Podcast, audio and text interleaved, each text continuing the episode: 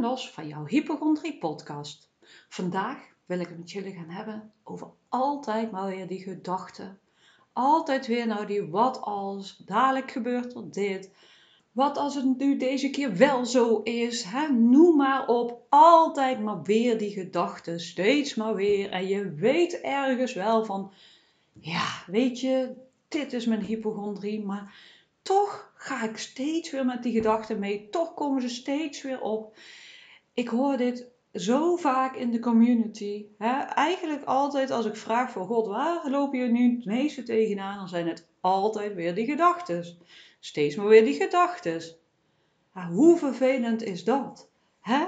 Het is gewoon natuurlijk echt zo verschrikkelijk als je bij ieder pijntje, ieder dingetje meteen het ergste denkt de wat alsjes. Dadelijk is het dit, daar ga ik dood. Hè? Dadelijk dit, dat, dat, dadelijk dat. Ja, dat is natuurlijk zwaar vermoeiend. Als ik het nu zo al zeg, word ik al echt heel moe. Dus, en ik weet ook hoe dat het is als je dat constant hebt. Het is doodvermoeiend. En dat weet je zelf ook wel. Ja, je weet zelf ook wel dat dit gewoon echt doodvermoeiend is. Je weet dat het hypochondrie is. Je weet dat het ehm, niet reëel is. Maar toch, maar toch lukt het je niet om die patronen te doorbreken. Toch lukt het je niet om andere gedachten te denken. En soms lukt het even, maar het is zo lastig als je eenmaal in die trigger zit en het hypochondriedoosje is open, om dan die gedachten niet te denken. En nu vraag ik me af van, hé, hey, maar wat doe je dan op dat moment dat dat doosje open gaat? en die gedachten komen dan. Wat doe je dan op dat moment? Wat doe je als je die gedachten hebt en die gevoelens? Want daar ligt uiteindelijk de key. Hoe ga je ermee om? Ga je in weerstand? Uh, ga je in de angst? Maak, ga je het nog erger maken? Van, uh, word je nog angstiger? Raak je nog meer in paniek? Hè, allemaal zonder oordeel. Doe wat dan ook, alles zonder oordeel. En ik zit hier ook gewoon te praten zonder oordeel, want het is oké wat het dan ook is. En natuurlijk, het is gewoon hartstikke vervelend.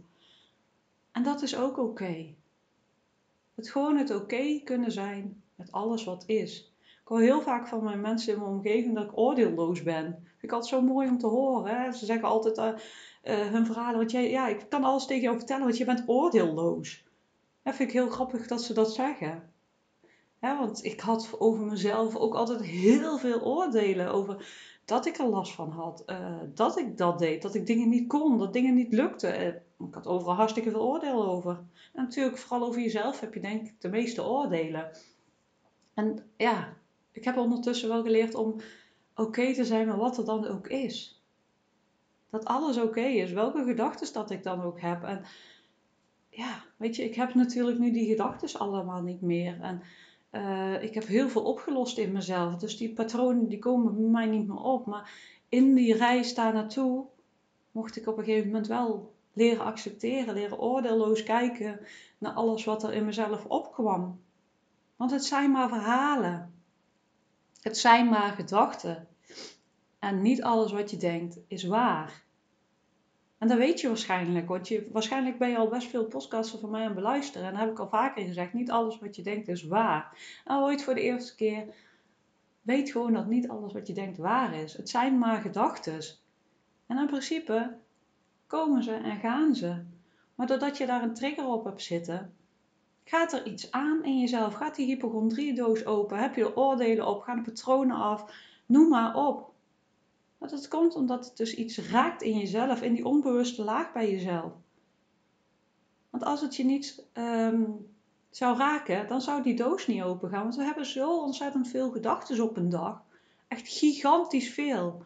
En de meeste daar haak je niet op aan. Maar zo gauw als er ergens een trigger op zit, dan haak je aan. En dan ben je heel alert van, hé, hey, ik voel, of ik hoor deze gedachten.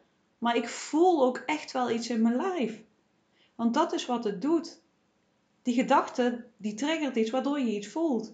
Als die trigger er niet is, dan voel je het ook niet.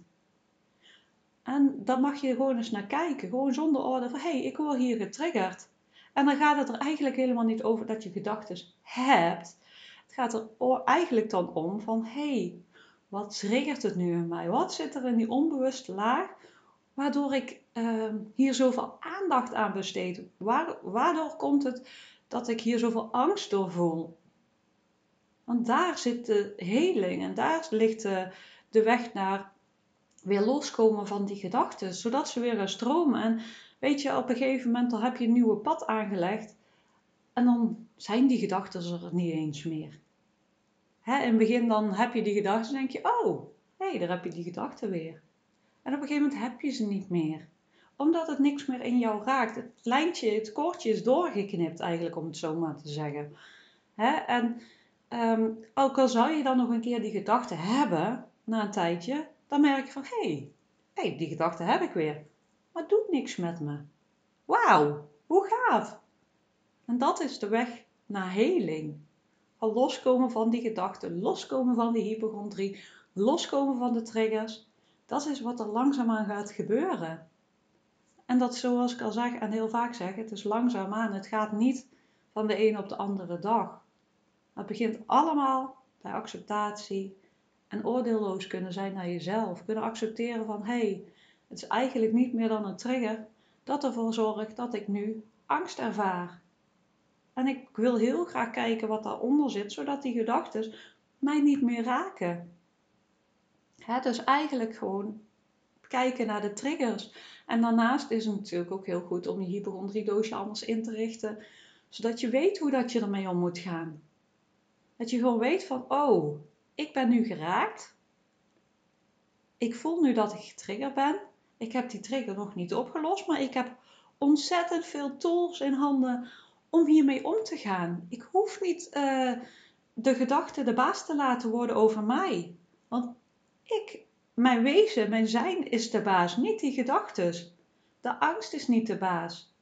Je hoeft de angst niet aan het stuur te laten zitten van, van, jou, uh, van jouw hele zijn je mag het gewoon een onderdeel laten zijn van wie je bent. Want er is zoveel meer dan alleen die angst. En ik snap het, hè? Eh, dat had ik toen ook. Het beïnvloedt je zo enorm en je wilt er zo graag van af. En je vindt het zo vervelend, het belemmert je. Je kunt bepaalde dingen niet meer doen die je dolgraag doet. Of je doet het wel, maar je voelt de hele tijd angst. Je hoort de hele tijd die gedachten.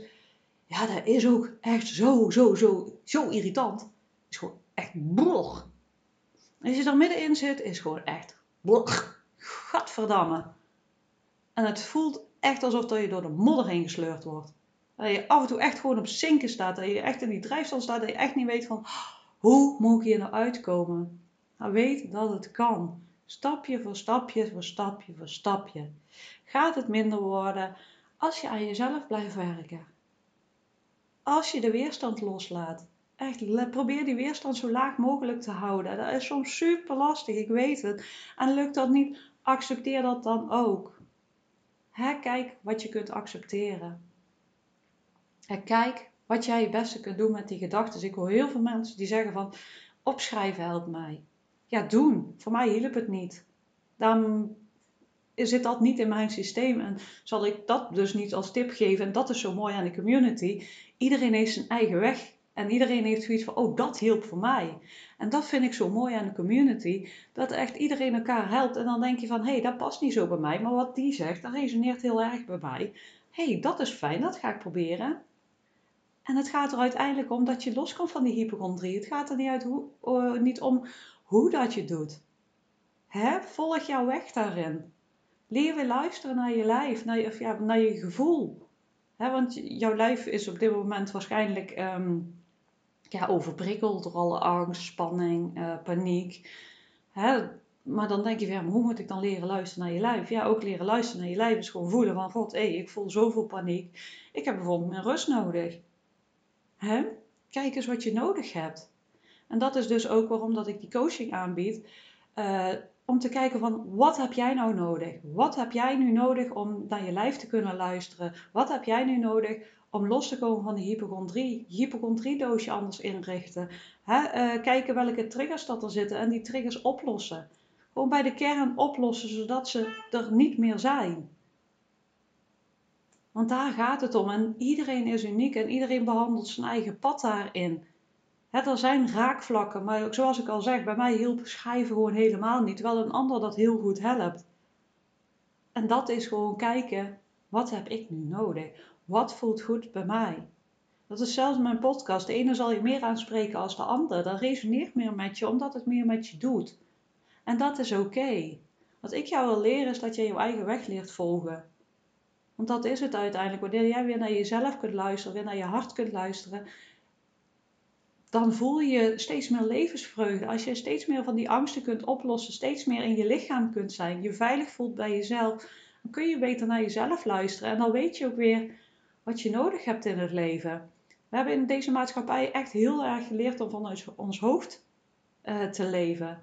En ik denk ook dat het daardoor komt dat we zo bezig zijn met die gedachten. Maar het is eigenlijk heel wat die wie je bent. Zoals ik al zeg, eigenlijk, uh, we hebben ons verstand nodig bij keuzes maken, bij verstandige keuzes maken. Maar het wil niet zeggen dat we constant vanuit onze hoofd moeten leven. Want doordat je in je hoofd leeft, zit je niet helemaal in je lijf. En de beste keuzes die je kunt uh, maken, is met uh, je hoofd, je hart en je buik in balans. Je hebt ze allemaal nodig. Wanneer dat je een van die drie losgebruikt, heb je geen keuzes die echt helemaal steady staan, om het zo maar te zeggen. Ik doe dat bijvoorbeeld ook altijd bij mijn zoontje. Van dan, uh, je hebt een hele leuke oefening van God, hey, uh, ben maar eens met je aandacht in je hoofd. En dan vraag ik van, nou, ben je maar eens met je aandacht in je hoofd? En dan uh, laat ik hem met zijn handen op elkaar en dan duw ik erop. Je merkt gewoon dat hij niet steady staat. Die staat gewoon niet letterlijk steady. En dan doe ik die oefening nog eens een keer. Ik zeg, leg je de aandacht maar eens in je buik. Ben maar eens met je aandacht in je buik. En je ziet gewoon dat je veel sterker staat. Je staat gewoon veel sterker wanneer jij connectie hebt met je buik. Met heel je lijf. En dan ga je ook niet meer zo snel uit balans, op en neer, heen en weer. Ga je niet zo snel je gedachten meer volgen, omdat je in je lijf zit en niet meer in je hoofd. En dat is eigenlijk wat er gebeurt. Je zit heel erg in je hoofd. Jouw, jouw hoofd heeft op dit moment alle regie, daar laat je je door leiden en dat is oké. Maar als jij die switch kunt maken, ja, dan is het toch gewoon prachtig. Dan sta je veel steviger, sta je echt in jezelf en dan laat je je ook niet meer leiden door die angst. Want dan kun jij die angst gewoon zien als een onderdeel van jezelf. Een klein deeltje dat bij jou hoort want je moet het ook niet buiten jezelf proberen te plaatsen, die angst. Maar weer een klein deeltje laten zijn van, van jezelf, in jezelf. En in die sterke basis kunnen blijven. Waar je je dus veilig voelt. Waar je dus ook weer die vertrouwen vindt in je lijf. En je gewoon weet dat alles is oké. Want alles was al oké, alles is oké en alles zal oké zijn. Wat er ook gebeurt. we hebben geen controle over ons leven. We weten gewoon niet wanneer dat we gaan. We weten het niet. En ik blijf er nog steeds bij. Ik heb het al meerdere keren geroepen. Hoe wil jij je leven leiden? Wil jij op het einde echt terugkijken en denken van... Oh, ik heb niet gedaan wat ik dolgraag wilde doen. Want ik was zo bang. Zo bang dat ik ziek zou worden. Zo bang om dood te gaan. Of zeg je ja, weet je, ik was bang. Ik deed het wel.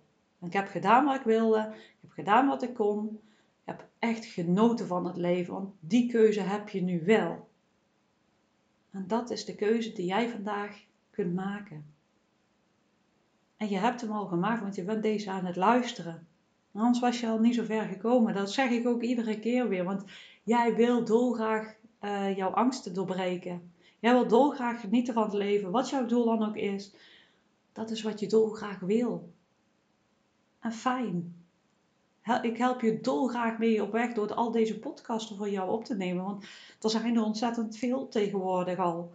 en ik heb een super fijne community waar je dus ook altijd lid van mag worden.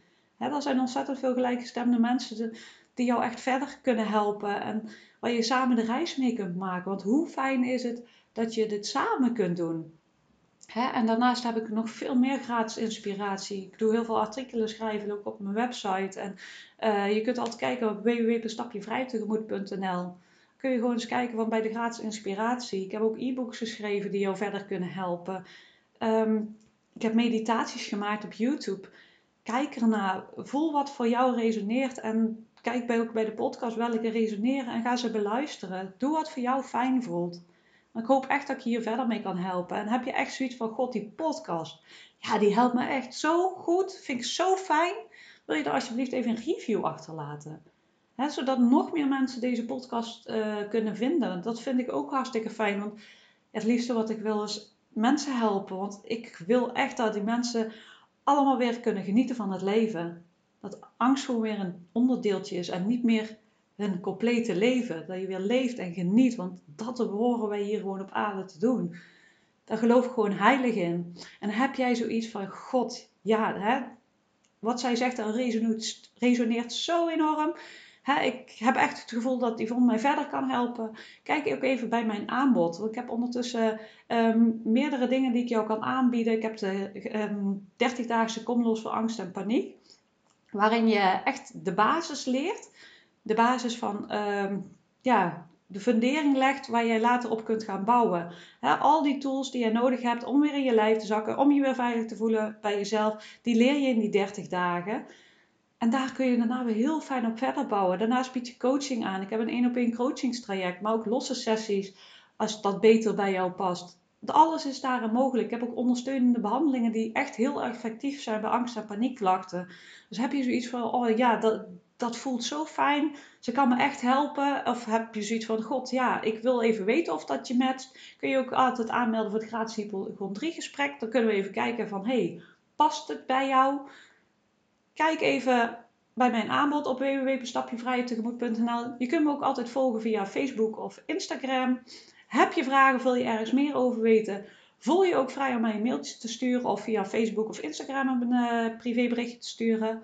Altijd welkom, altijd leuk. Ik wens je nog een hele fijne dag en uh, heel veel succes. Tot de volgende keer.